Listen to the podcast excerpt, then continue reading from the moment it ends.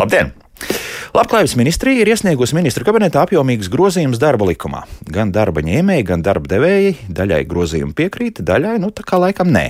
Vai darba ņēmējiem ir pamats satraukumam par savām tiesībām, par to šodien raidījumā. Mani attālinātie viesi - valsts darba inspekcijas klientu atbalsta nodaļas vadītāja Dace Stīvriņa. Dace, labrīt! Labrīt! Un jurists konsultants darba tiesisko attiecību jautājumos Kaspars Rācinājs. Kaspar, labrīt! Jā, labi. Kas par ir kaut kā skaidrs, kāpēc pēkšņi nu, tā apjomīgi šādi likuma grozījumi ir iesniegti? Jo es skatos, man ir priekšā A6, atvainojos, A4 lapas, nu, 6. Tā tad nu, nav maz katrā gadījumā. Nav jau it kā gari tie, katrs grozījums ir tāda viena maziņa rinkopiņa, bet tomēr. Uh, jā, tātad šis likumprojekts tika izstrādāts uh, galvenokārt, lai pārņemtu divas Eiropas Savienības direktīvas. Tātad tās ir jaunas direktīvas, kuras uh, Latvijai ir jāievieš līdz šī gada augusta beigām.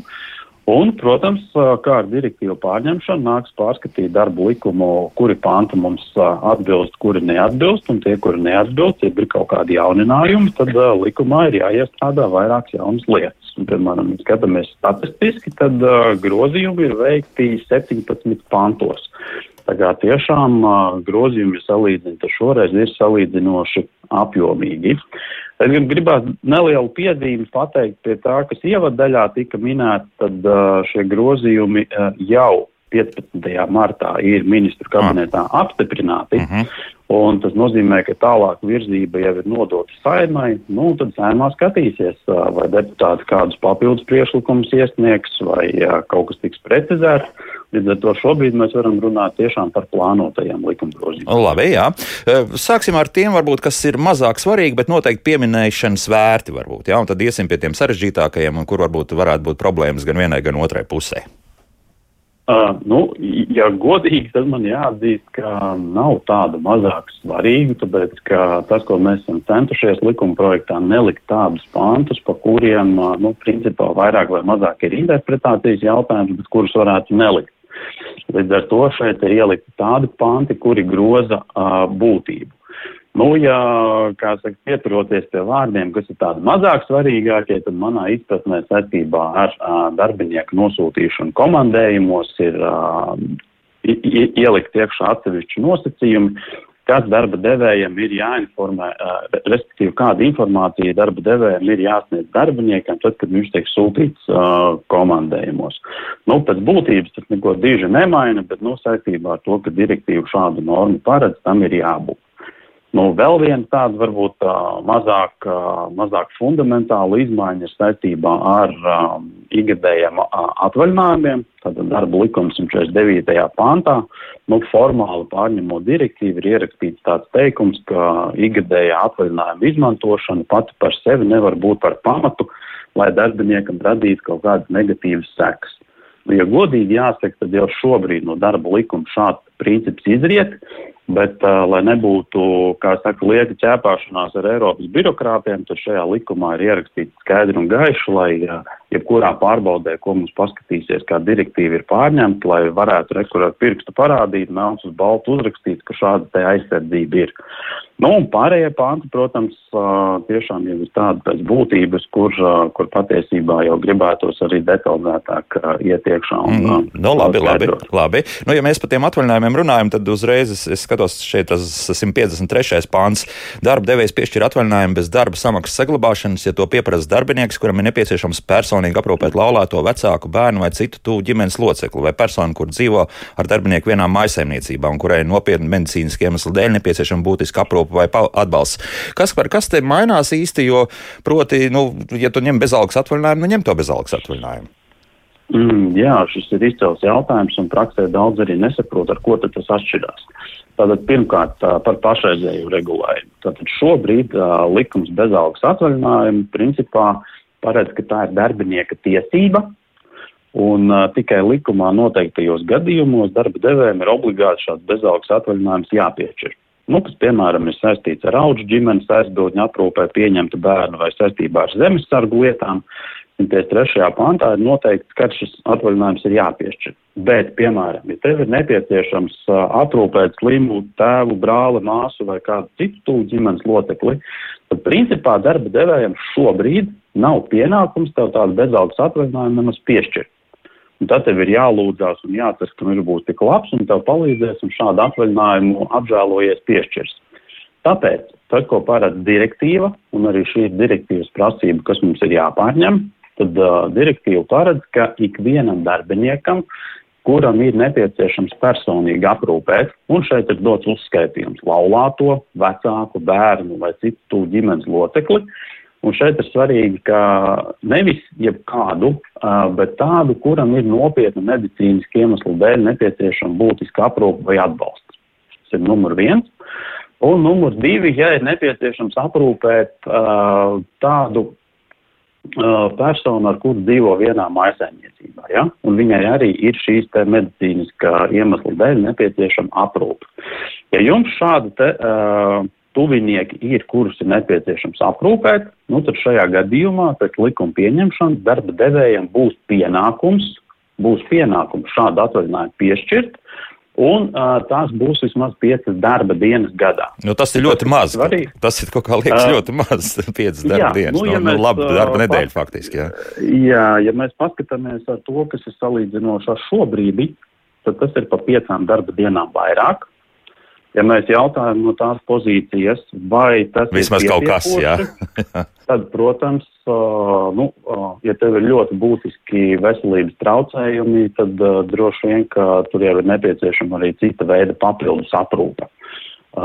Šis ir tāds, nu, kā saka, maziņš ielāpiņš sistēmā, lai vērstu darba devēju un sabiedrības uzmanību ka šī problēma nav pabāžama zem stēgas, ka tā ir reāla nepieciešamība, un lai arī darba devējs no savas puses iesaistītos šīs problēmas zināmā mērā risināšanā. Mm. Tas, ko Arotbiedrības Savienība sākotnēji arī ir prasījusi, ka šādām dienām ir jābūt apmaksātām, jo, protams, ja darbiniekam jau tā ir sloks ar šādu ģimenes locekļu aprūpi, un viņam vēl principā nākas samazināt savus ienākumus un ņemt šādus bezalgas atvaļinājumus, tad, protams, ļoti bieži darbinieki izvēlēsies arī to nedarīt. Saprotot to, ka darba devējiem tas varētu būt milzīgs sloks un šobrīd arī valsts budžetā šādu līdzekļu nav, ir panākta konceptuāla vienošanās, ka šis jautājums tiks risināts um, tuvākajā laikā un uh, ar virzību, ka valsts varētu kaut kādā veidā uh, ieviest sistēmu šo uh, šo sistēmu apmaksāt, bet noteikti tas nebūs ne šogad un arī ne uh, nākamajā mm. gadā. Kaut kas līdzīgs slimības lapai, jā, tā es saprotu. Jā? Kaut kas līdzīgs. Kaut kas jā. līdzīgs jā. Tā, te nākamais, vienkārši redzu arī 155. pāns un par bērnu tēvam ir tiesības desmit darba dienu ilgu atvaļinājumu. Tur kaut kas ir kaut kāda zemūdens akmeņa vai, vai nu, pienāks un pienāks, un viss skaidrs. Nu, zemūdens akmeņi šeit ir divi. Tātad numur viens šis, šis pants tiek grozīts divu iemeslu dēļ. Numur viens saistībā ar satversmes tiesas spriedumu, uh, numur divi uh, saistībā ar direktīvas pārņemšanu. Un saistībā ar direktīvas pārņemšanu šeit jaunums ir tāds, ka ja šobrīd uh, tas saucamais atvaļinājums ir desmit kalendāra dienas, tad ar grozījumiem tiek paredzēts, ka tās būs desmit darba dienas, tad šeit jau ir uzlabojums. Un otra lieta, ka ja šobrīd šādu atvaļinājumu var pieprasīt ne vēlāk kā divu mēnešu laikā pēc bērnu piedzimšanas, tad ar grozījumiem ir paredzēts, ka to varēs darīt ilgākā, proti, sešu mēnešu periodā. Tad darbiniekiem šī garantija tiek uzlabota un uh, no uh, desmit darba dienām, des, no desmit kalendāra dienām, uz desmit darba, darba dienām, mm -hmm. un izmantot var ilgākā periodā. Kā saka, nav uzreiz pēc bērna piedzimšanas aizpampušām acīm jāskrien, jāprasa šāds atvaļinājums. To var nedaudz atpūsties un arī jau uh, pusgada laikā šādu atvaļinājumu pieprasīt. Bet pēc pusgada, tad, ja neesi izmantojis, nu tad Ja neesmu izmantojis, tad, protams, viņš zūd. Mm -hmm, skaidrs. Jo šī atvaļinājuma mērķis ir būt ar bērnu kopā maksimāli tuvu pēc bērna piedzimšanas. Mm -hmm, skaidrs. Labi, Kaspar, tālāk eh, viss tavās rokās. Tā bija man, mans jautājums. Jā, stāstīt tālāk, kas ir vēl būtisks, eh, ko mums noteikti klausītājiem vajadzētu stāstīt. Un skatos, ka mums jau sāk parādīties arī mājaslapā jautājumi. Līdz ar to mājaslapa mums darbojas Latvijas radio.clv. Tur jāatrod radio viens raidījumu, kā labāk dzīvot. Sūtiet savus jautājumus droši, bet nu, tad kas par tev vārds? Jā? Jā, nu, ja jau iesākām par atvaļinājumu, mm -hmm. tad pabeidzam arī ar vēl vienu. Un, uh, pēdējais ir uh, izmaiņas saistībā ar bērnu kopšanas atvaļinājumu. Proti, tas, kas tiek paredzēts 156. pāntā, ka bērnu kopšanas atvaļinājuma daļa nevarēs būt īsāka par vienu nepārtrauktu kalendāru nedēļu. Nu, lai nebūtu tā, ka daži gudrinieki piecas dienas nostrādā, pēc tam pa sestdienu, svētdienu, kad jau tāpat viņi būtu atpūtušies un paņem bērnu kopšanas atvaļinājumu, zinot, ka šo atvaļinājumu apmaksā valsts Nu, tad šajā gadījumā uh, ir atrasts tāds kompromiss, ka jābūt vienai nepārtrauktai kalendāra nedēļai. Tas ir saistībā ar šādu negodprātīgu gadījumu izmantošanu.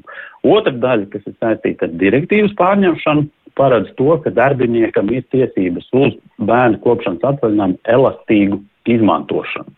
Proti, ko tas nozīmē, ka tev nav uh, jāņem uzreiz pusotras, uh, pusotra gada atvaļinājums pēc kārtas, tad, kad tu vari viņu prasīt uh, dalīti, ka tu vari viņu prasīt uh, izmantošanu par divām nedēļām, par četrām nedēļām, kā, kā tev būtu ērtāk.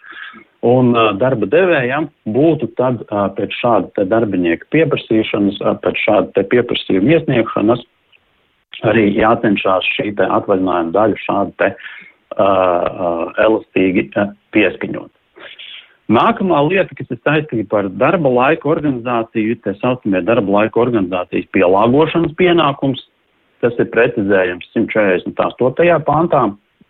Un, ja mēs paskatāmies, ko mēs tikko runājām par to aprūpētāju atvaļinājumu, tad, ja darbiniekam ir tieši to pašu kategoriju darbinieki, kuriem ir šī aprūpe, nepiec respektīvi tuvinieki, kuriem ir nepieciešama šī aprūpe, tātad laulātais vecāki bērns, citus ģimenes loceklis, tad ir tiesības prasīt darba laika organizācijas pielāgojumu. Un plus šeit nāk klāts vēl viens subjekts, kas ir bērns līdz 8 gadu vecumam.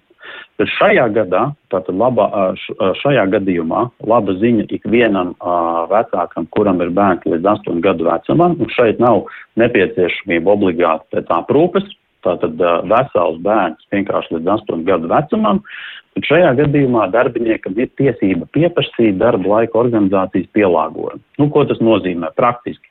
Ja, piemēram, ir nepieciešams no rītiem aizvest bērnu uz skolu, uz kaut kādiem pulciņiem, ja ir nepieciešams uh, dažādu šo laiku saskaņot ar, ar bērnu nepieciešamību, tad tev ir tiesība prasīt darba devējiem šo organizācijas pielāgojumu. Bet šeit ir atšķirība salīdzinot ar, pat, ar to uh, aprūpētāju atvaļinājumu, ka darba devējiem nav tāds imperatīvs, ja obligāts pienākums uzreiz piešķirt, bet darba devējiem ir pienākums izvērtēt, un ja objektīvi iemeslu dēļ viņš var šādu laiku pielāgot, tad tas jau ir pienākums.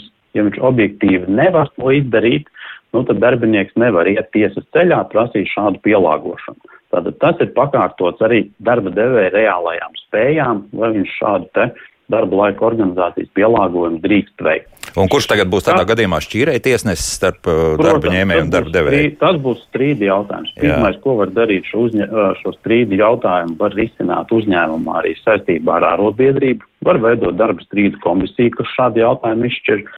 Ja, piemēram, šo jautājumu nevarēs izšķirt uzņēmumā iekšēnē, nu, tad, protams, kā parasti, uh, lielākā daļa strīdu aiziet uz tiesu. Nu, tad tiesa vērtēs, vai darba devējiem ir iespēja vai nav iespēja šādu darbu laika organizāciju, organizācijas pielāgojumu veikt.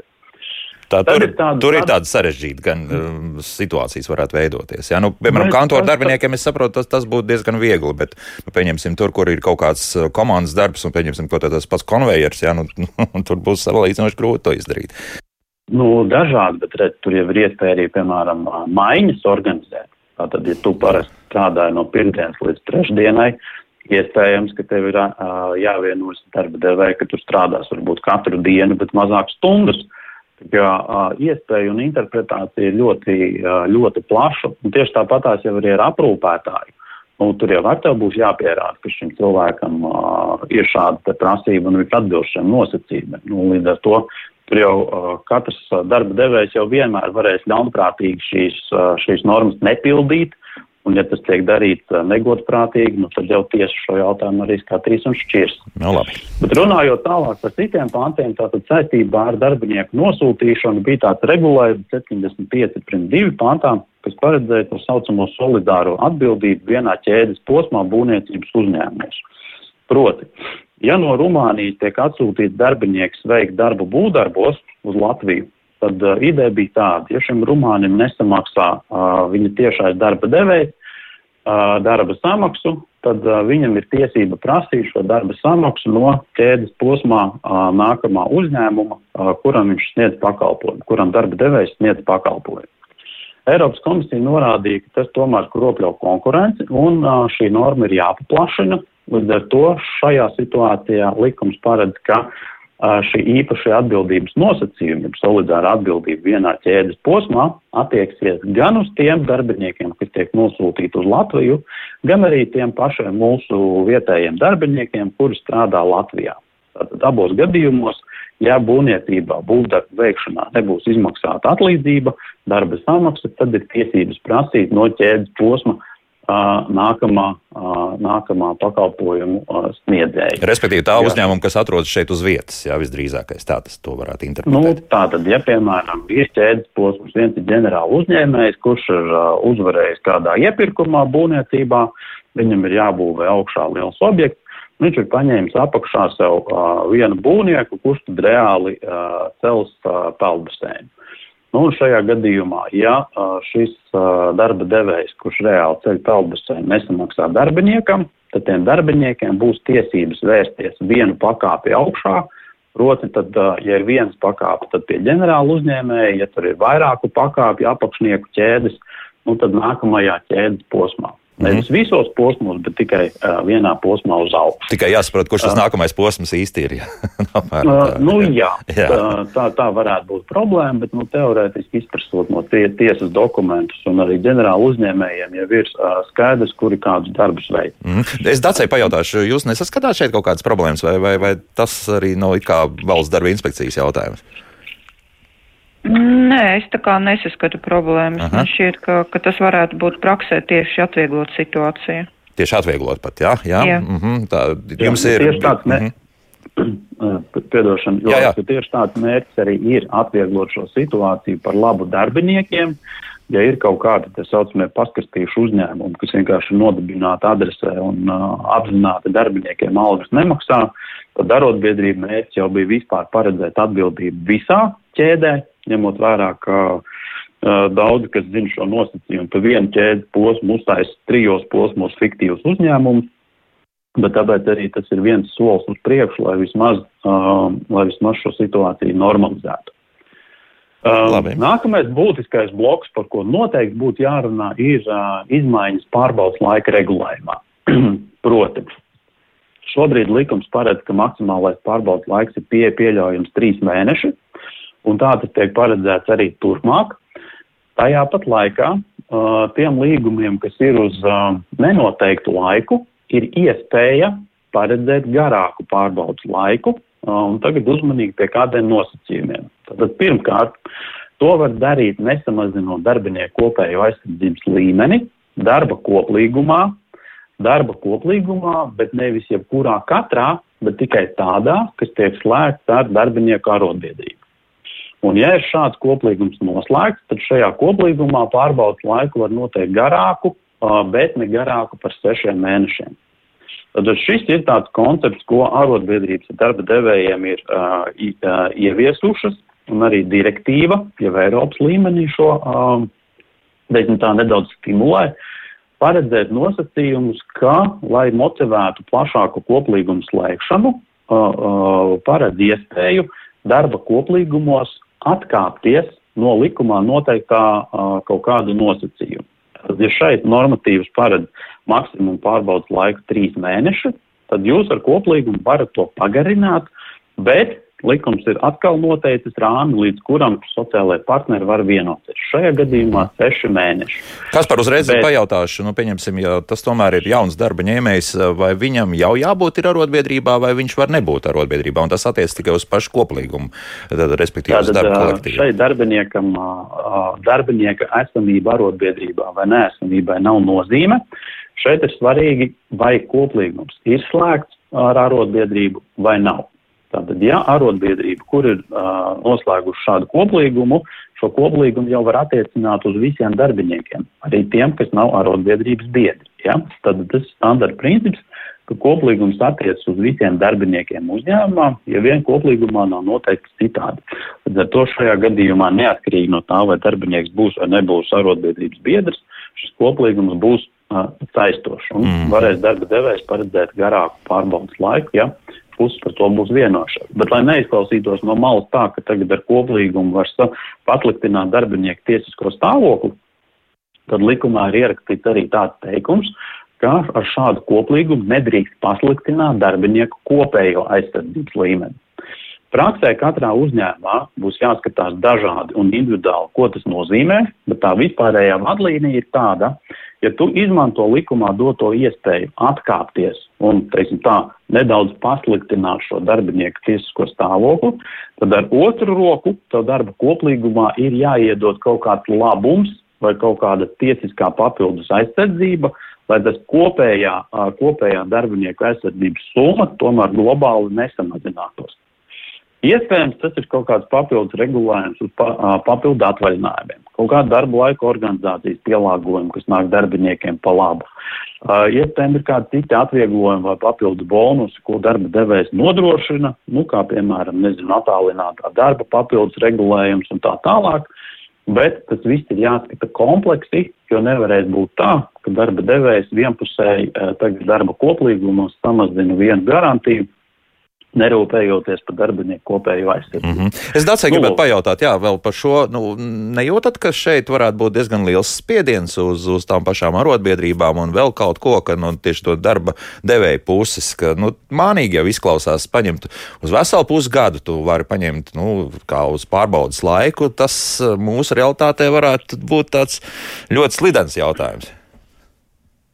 Es tā nedomāju, jo pirmām kārtām, kā jau Kaspars minēja, mērķis ir, lai, lai vairāk tā kā veicinātu tieši koplīgumu slēgšanu uzņēmumos un, un iesaist arī arotbiedrībām. Līdz ar to ļoti daudz joprojām ir uzņēmumi, kur, kur varbūt tās nav šo te koplīgumu, ja kaut, kaut realitātē arī būtu iespējams izstrādāt un, un pieņemt, ja. Uh, Līdz ar to es tā nedomāju. Es domāju, ka šeit ir kārtējais tāds eh, tā kā papildus eh, iespējas eh, atkāpēm, un, un kā jau Kaspars arī minēja, ja tiešām tas būs tā kā nolīdzsvarots, ka, ka ja vienā kaut kādā posmiņā ir šis te ierobežojums, tad, tad ja būs kaut kāds papildus uzlabojums, tas, tas viss būs tā kā sabalansēts un, Mm -hmm. un, un darbiniekam arī labvēlīgs. Nu, labi, nu, pieņemsim, izmantot sezonālos darbos šos likuma grozījumus un kaut kā. es visu laiku mēģinu ģenerēt dažādas iespējas, kā apiet likumu, jā, bet nu, par Nē. to ir jārunā. Jā.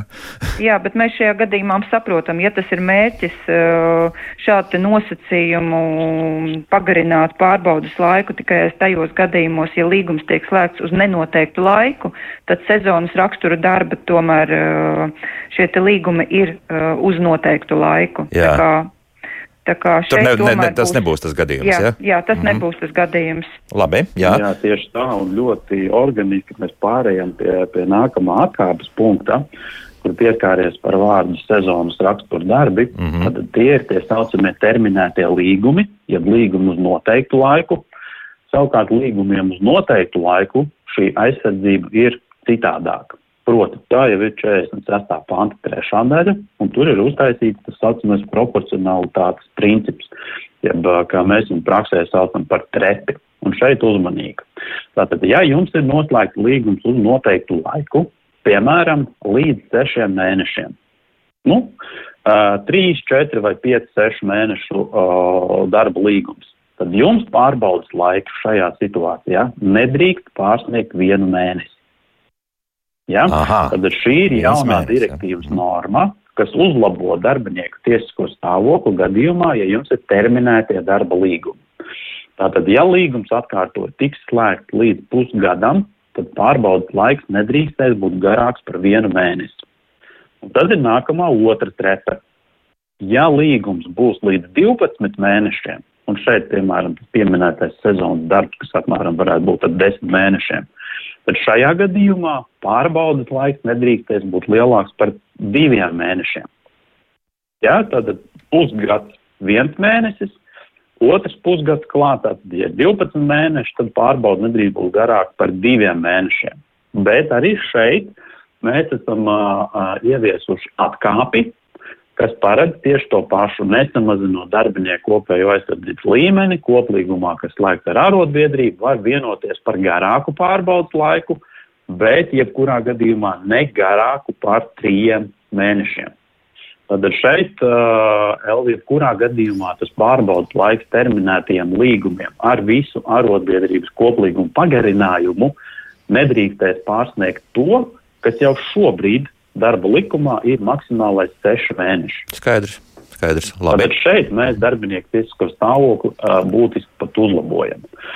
Nu, un tad, uh, tad ir vēl viena tāda sadaļa, kas ir saistīta ar um, darba līgumā norādai, norādāmajām ziņām.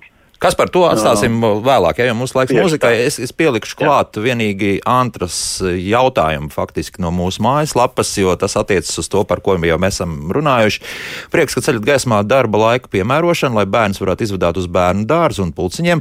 Kad sāks runāt par puslodes darba laika izma, iespējām mamām, kad tad drīkstēs celt gaismā, jo daudzas mammas labprāt strādāt saīsināto darba laiku, lai pilnvērtīgi varētu aprūpēt savu ģimeni. Ļoti aktuāls jautājums par pieaugušo izglītību studēt drīkst, bet uz puslodes strādāt nedrīkst, jo esmu pēc 35. Kā to atrisināt? Tas ir pretrunā ar visur popularizēto ideju, ka ir jāmācās, lai pilnvērtīgi varētu tikt laikam līdzi. Nu tā, ko mēs atbildēsim? Nu, mēs atbildēsim to, ka nepilnais darba laiks jau šobrīd ir pieļaujams. Darba likums 34. pants par to runā. Jānorāda, ka šī obligātā nosacījums ir, respektīvi, ja, ja darbinieks ir, piemēram, grūtniece vai sieviete pēcdzemdību periodā līdz vienam gadam, vai ja baro bērnu ar krūti visā barošanas laikā, kā arī darbinieks, kuram ir bērns līdz 14 gadu vecumam, vai bērns ar invaliditāti līdz 18 gadu vecumam, tad darba devējs nosaka šādu uh, nepilnu darba laiku.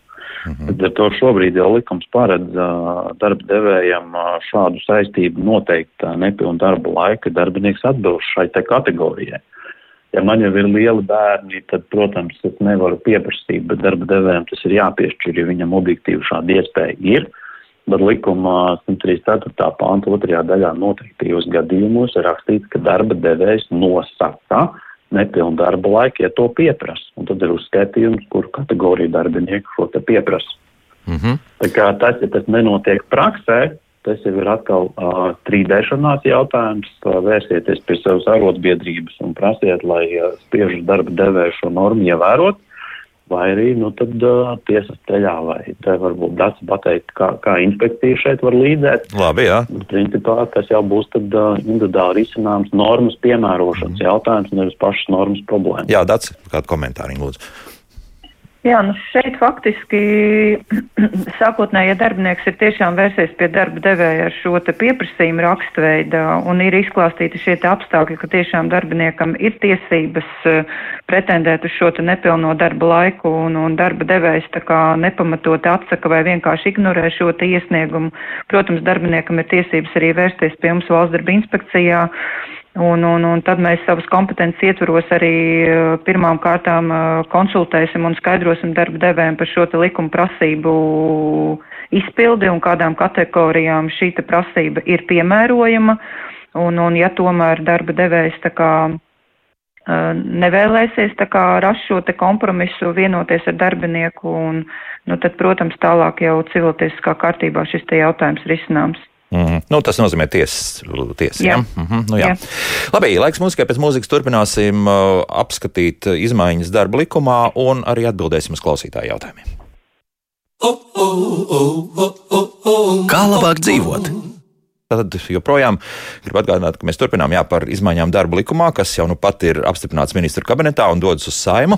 Eh, valsts darba inspekcijas klienta atbalsta nodaļas vadītāja Dācis Tīvriņa un jurists konsultants darba tiesisko attiecību jautājumos Kaspars Rācinājs ir gatava atbildēt arī uz jūsu klausītāju jautājumiem, bet Kaspar, nu tad eh, pabeigsim arī ar, ar šīm izmaiņām. Jā? Vēl ir šis tas palicis, par ko mums jāizstāsta mūsu radio klausītājiem. Um, jā, iesākām uh, pusvārdā par darba līgumā norādāmām informācijām. Tātad šeit ir tāda no vienas puses tāda formāla prasība, kur vairāk darba devējiem būtu jāpievērš uzmanība, kas tad darba līgumā ir jānorāda. Uh, jānorāda. Un, uh, attiecīgi, uh, ja ejam pa solīšiem, tad uh, šobrīd likums jau arī paredz, ka darbiniekiem ir jānorāda darba vieta.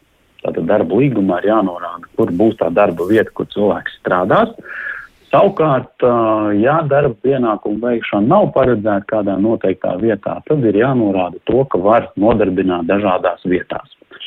Ņemot vērā, ka šobrīd ir ļoti populārs uh, nosacījums par elastīgu darba laiku, par elastīgiem uh, dažādiem nosacījumiem, tad arī direktīva mudina uh, paredzēt tādu iespēju, ka darbinieks pats var brīvi noteikt savu darbu vietu. Un šāda iespēja, ja tiek paredzēta, tad arī jaunie grozījumi paredz, ka tam ir jābūt norādītam darba līgumā. Nu, piemēram, puses var vienoties, nu, šobrīd ļoti aktuāls būs tas saucamais hibrīd modelis, ka darbinieks, piemēram, divas dienas strādā klātienē, savukārt atlikušās trīs dienas viņš var pats brīvi izvēlēties, no kuras vietas, kur strādāt.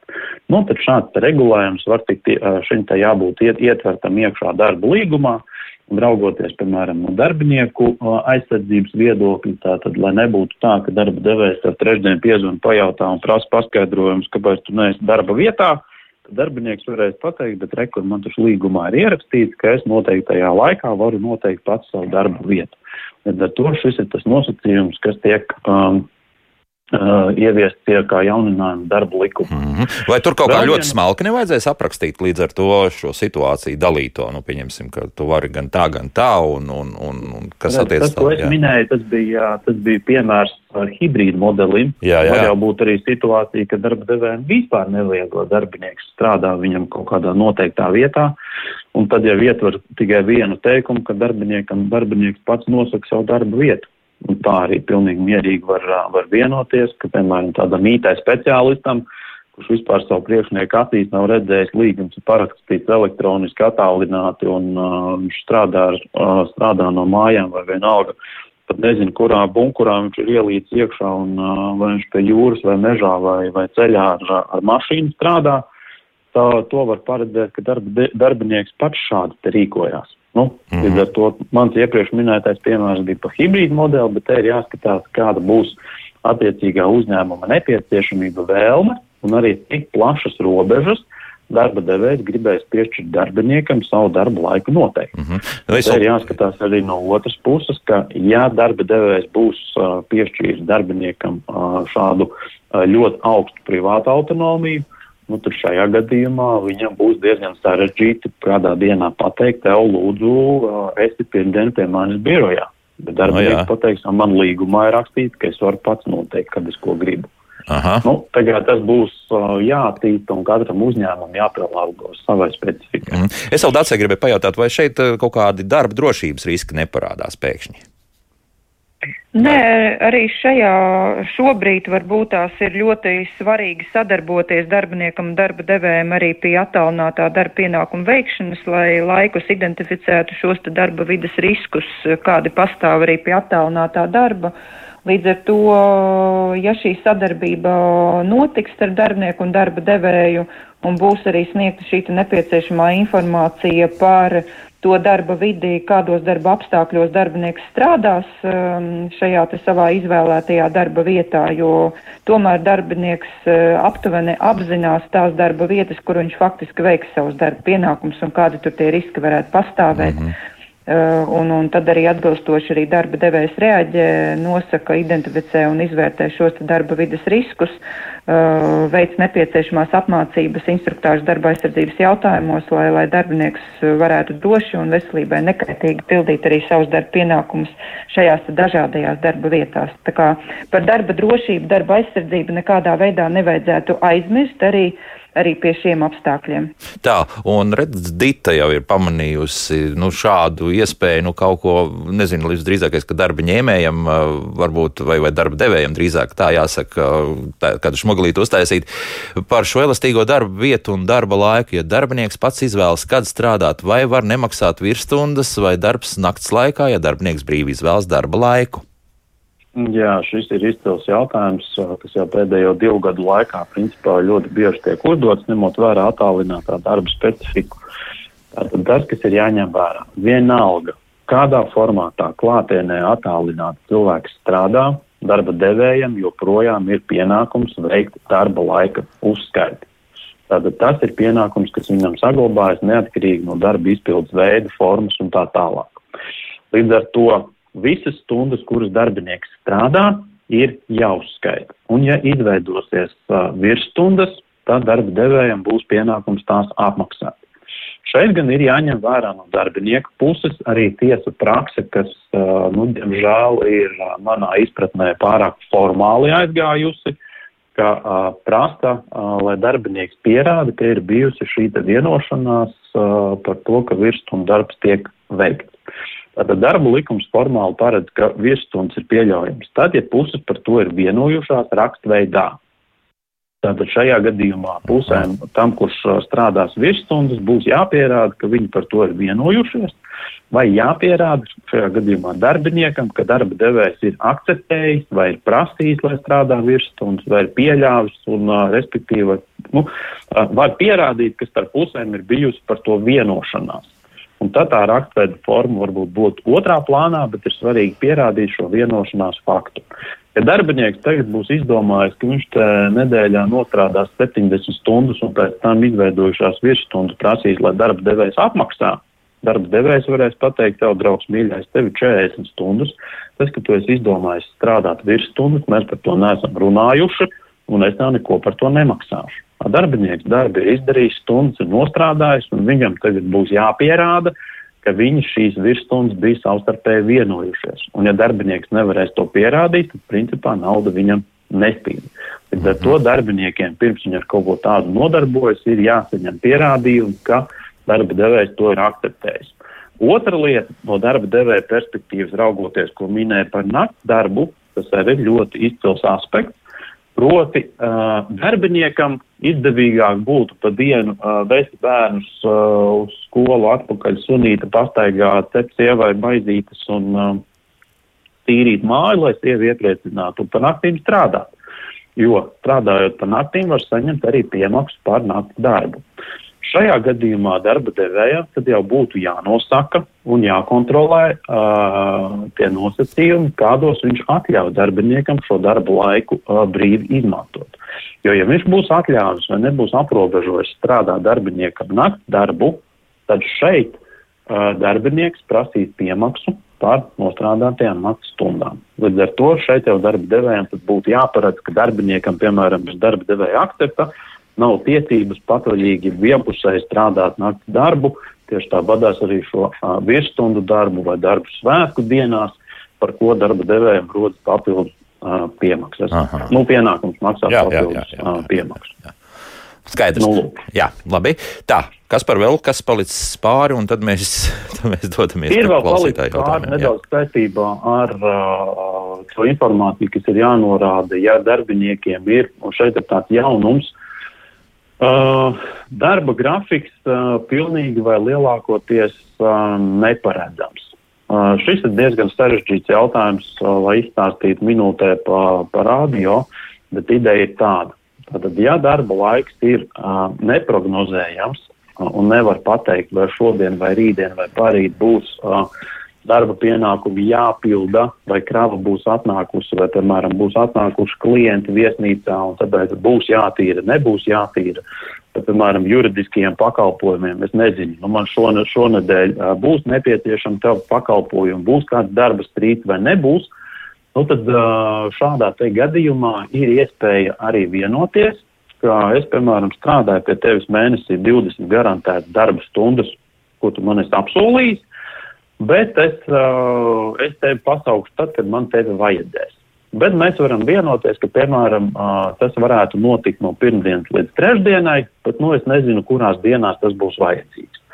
Nu, tad līgumā ir jāparedz, cik ilgu laiku iepriekš nu, darba devējiem būtu jāpaziņo. Nu, tad pasaki man, vai tev mani vajadzēs šo trešdienu vai nevajadzēs. Nu, lai nav tā, ka otrdienas uh, vakarā vai pat trakākais trešdien no rīta astoņos piezvan, ka deviņos lūdzu esi man darbā.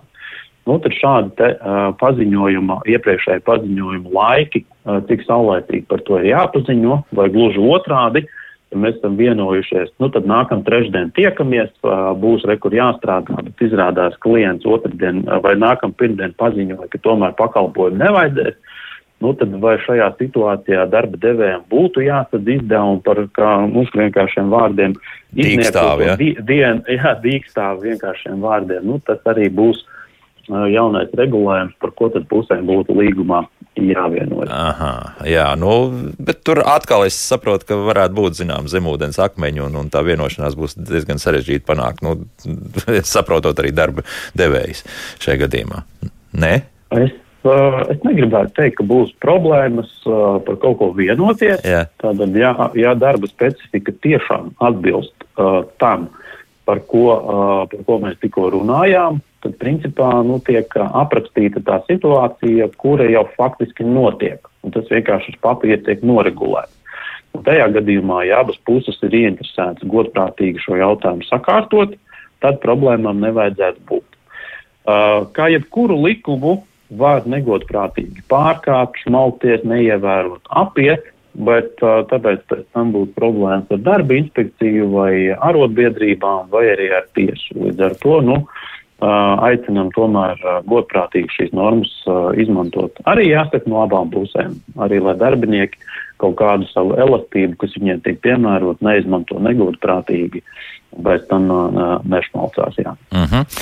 Nu, lūk, tad par darba likumu izmaiņām Viss, ja? Būtiskākās ir izstāstīts. Skaidrs, labi. Tā, ķeramies klāt uh, tiem jautājumiem mājaslapā, un to patiesībā daudz, bet, kā jau teicu, lielākoties tie neatiecas uz šīs dienas, uh, jautā, uh, šīs dienas raidījuma tematiku, bet, bet nu, tomēr ir. Nu, piemēram, um, vai sešu mēnešu pārbaudas laiks beztermiņa līguma gadījumā nav labvēlīgs darba ņēmējam, jo daudz darba devēju šo izmantos, lai uz šo laiku noteikti mazāku algu un var atlaist bez iemesla kaut pēc pieciem mēnešiem. To var negodprātīgi izmantot īsam projektu darbam, piedāvājot maksāt lielu algu tikai pēc pārbaudas laika, tā klausītājs jautā. Mm, tad uh, pārbaudas laiks var būt izdevīgs gan vienam, gan otram. Tātad arī darbiniekam ir iespēja pārbaudas laikā nevis uh, mēnesi iepriekš brīdinot, bet tikai trīs dienas iepriekš pabrīdinot, pacelt cepuru un pateikt, man šeit nepatīk uh, apstākļi jūs un vispārējais. Bet, uh, protams, no tāda klasiskās pozīcijas, jo garāks pārbaudas laiks, jo tas ir neizdevīgāk darbiniekiem. -hmm. Tāpēc tā runa ir, ka šo garo pārbaudas laiku drīkst noteikt tikai tad, ja tiek sabalansēta arī šī darbinieku aizsardzība caur darba koplīgumu. -hmm. uh, ja runājam par zemākām algām, kas tiek noteiktas parasti pārbaudas laikā, tad šī, manuprāt, ir tāda sērga, kas ir no vienas puses uh, nu, uh, loģiski izskaidrojama, bet no otras puses var būt problēma ar uh, vienlīdzīgu tiesību principu. Proti, ja jums ir atnācis tiešām klases profesionālis. Un šie darbinieki pēc būtības neatšķiras, vai viņam ir pārbaudas laiks, vai tam, kurš jau ir izturējis. Šīs visas profesionālās spējas ir tādas pašas, un arī darba pienākumi ir atbilstoši līdzvērtīgi. Tad es šeit neredzu objektīvu pamatu, kādēļ pārbaudas laikā drīkstētu maksāt zemāku atlīdzību kā tam, kurš pārbaudi ir izturējis. Tas nozīmē, ka šis te gadījums arī juristu vidū ir diezgan dažādi. Uh, dažādi traktēts, ja mēs runājam par jauniem studentiem, kas tiek pieņemti darbā bez pieredzes, bez, bez kaut kādām nu jā, pra, pra, prasmēm, prasmēm, tad šajā gadījumā atlīdzību varētu maksāt objektīvi, pamatojot, ka šī pieredze, pieredze trūkst vai arī pārbaudas laikā viņam tik pielikts klāt kāds uzraugs, darba vadītājs vai, vai kā saka, biežāk kļūdas rodas un viņam papildus, papildus uzraudzība ir nepieciešama, tad varbūt to varētu attaisnot. Šeit darba devēja interesi saprotu. Bet, ja tiek pieņemti tiešām jau līdzvērtīgi cilvēki, vienkārši tiek izmantot iespēju noteikt šo pārbaudas laiku, lai gadījumā, ja nu negribēsim, tad mēs varam vieglāk atbrīvot. Šajā gadījumā es neredzu objektīvu pamatu noteikt zemāku atlīdzību. Hmm. Vai saīsināt darba laiku var saņemt arī tēvs līdz bērna pusotra gada vecumam? Darba likums 46. pants eh, Krišs mums jautā. Tā, tas, par ko es tikko runāju saistībā ar 336. pantu, tātad jā, te ir runa, protams, nu, tēvs nebūs grūtniec vai nebaros bērnu ar krūti. Bet, ja viņam ir bērns līdz 14 gadu vecumam, tad tas attiecās gan uz darbinieci, gan arī uz darbinieku vīriešu kāds pārstāvjiem. Mm -hmm. Un, diemžēl mums jābeidz ar vēl vienu jautājumu, kas uh, ir kā papildinājums jau iepriekš uzdotajai mantru jautāt par šo klātienes studentiem pēc 35 gadu vecuma, kāpēc viņi nedrīkst oficiāli strādāt uz puslodzi, jo, ja studē klātienē, tad pietrūkst stundas, lai varētu pilnu slodzi nostrādāt. Te atkal nedrīkst būt godīgs un jāmaģinās ar papīriem, kad ierēģi vienreiz beigs nedrīkst dzīt cilvēks pagrīdē. Nu, ātri komentārs, jo laiks mums ir beidzies, diemžēl. Tā, iestājās zināms klusums. Ko mēs... Nu, šeit droši vien atliedosies. Ah, labi, jā, Dats, nu tad jūsu komentārs par šo. Ko Nē, nu šajā gadījumā ir jāsaprot, ka arī darba likums 134. pants paredz, ka arī citos gadījumos darbinieks un darba devējs var vienoties par nepilnu darba laiku. Līdz ar to šeit ir ļoti būtiski komunicēt darbiniekam starp darba devēju un meklēt to kompromisu, un varbūt tās tomēr ir iespējams vai nu noteikt šo nepilno darba laiku, vai pāriet uz pietiekam tā kā elastīgu darba laiku, kaut kādu dalīto, un, un, un darbinieks no savām studijām brīvā laikā spēj savienot un, un nostrādāt arī to normālo darba laiku. Nu, diemžēl to, ko Antra arī teica, ka tad ir jāmudžinās ar papīriem un vispārējo jādara. Jā, ka varētu... Es īsti nesaprotu, kāpēc ir jāmudžinās ar papīriem, jo jābūt puses to vēlas, ka to jā. var ļoti eleganti un elementāri uzrakstīt. Jā. Savukārt, vēl vienā aspektā, ko es aizdomājos, kuri jau šiem studējošajiem ir nākts pretī vairākus gadus atpakaļ, kur tiešām mēģināja mudžināties un tā tālāk, bija ar līgumiem uz noteiktu laiku. Piemēram, mm. pieņemt uz uh, trījiem mēnešiem, uz uh, gadu, pusotru gadu, uz to laiku, ko konkrētais uh, students tiešām mācās paralēli. Uh, Bet te bija doma, lai nebūtu tā, ka, piemēram, students, kas mācās grāmatvedību, ka viņiem tagad terminēts līgums slēgt, lai viņš varētu uh, kādā ātrijā ēstu vai grīdas mazgāt, tad tur ir runa tāda, ka šos terminētos līgumus, 144. pants, par ko runā, ka tieši uh, uh, izglītības uh, iegūšanas laikā, ja šī te ir sagatavošanās ir saistīta ar studiju attiecīgo virzienu. Tātad, ja tu grāmatvedības uzņēmumā gribi strādāt un paralēli studē grāmatvedību, tad ar tevi drīkstētu slēgt, slēgt šo terminēto darba līgumu. Iespējams, tas, ko Antra minēja, ka šeit varētu padomāt, ka to 134. pānta otro daļu varētu papildināt ar ideju, ka arī, ja tu mācies atbilstoši savā specialitātē, tad arī tev būtu tiesība prasīt šādu terminētu līgumu, lai tas motivētu darba devēju pieņemt, nu, respektīvi aizsargātu darbinieku, uzliekot darba devēju par pienākumu šādu laiku noteikt, lai viņš varētu mācības apvienot. Uh mhm. -huh. Es piekrītu, ka uzlabojumiem vienmēr ir kāda brīva vieta. Uh -huh. Diemžēl mums jābeidz, bet eh, es apsolu mūsu radioklausītājiem, visi, kas ir iesūtījuši šos jautājumus, es pārsūtīšu arī Kasparam Rācinājam un varbūt uztaisīsim atsevišķu raidījumu, jo, kā jau teicu, te ir par daudziem citiem tematiem, kas saistīti ar darba likumu un, un darba kopējo aizsardzību, teiksim, no, no, no dažādiem aspektiem runājot. Bet šodien saku paldies valsts darba inspekcijas klienta atbalsta nodeļas vadītājai Dacēs Tivriņai un juristam konsultātam darba tiesisko attiecību jautājumos Kasparam Rācinājumam par sarunu. Visu labu uz sadzirdēšanos rītā, tad, dāmas un kungi, mēs eh, domāsim, ko darīt ar Rīgas eh, iestiklotajām loģijām, kas negluži likumiski ir izdarīts.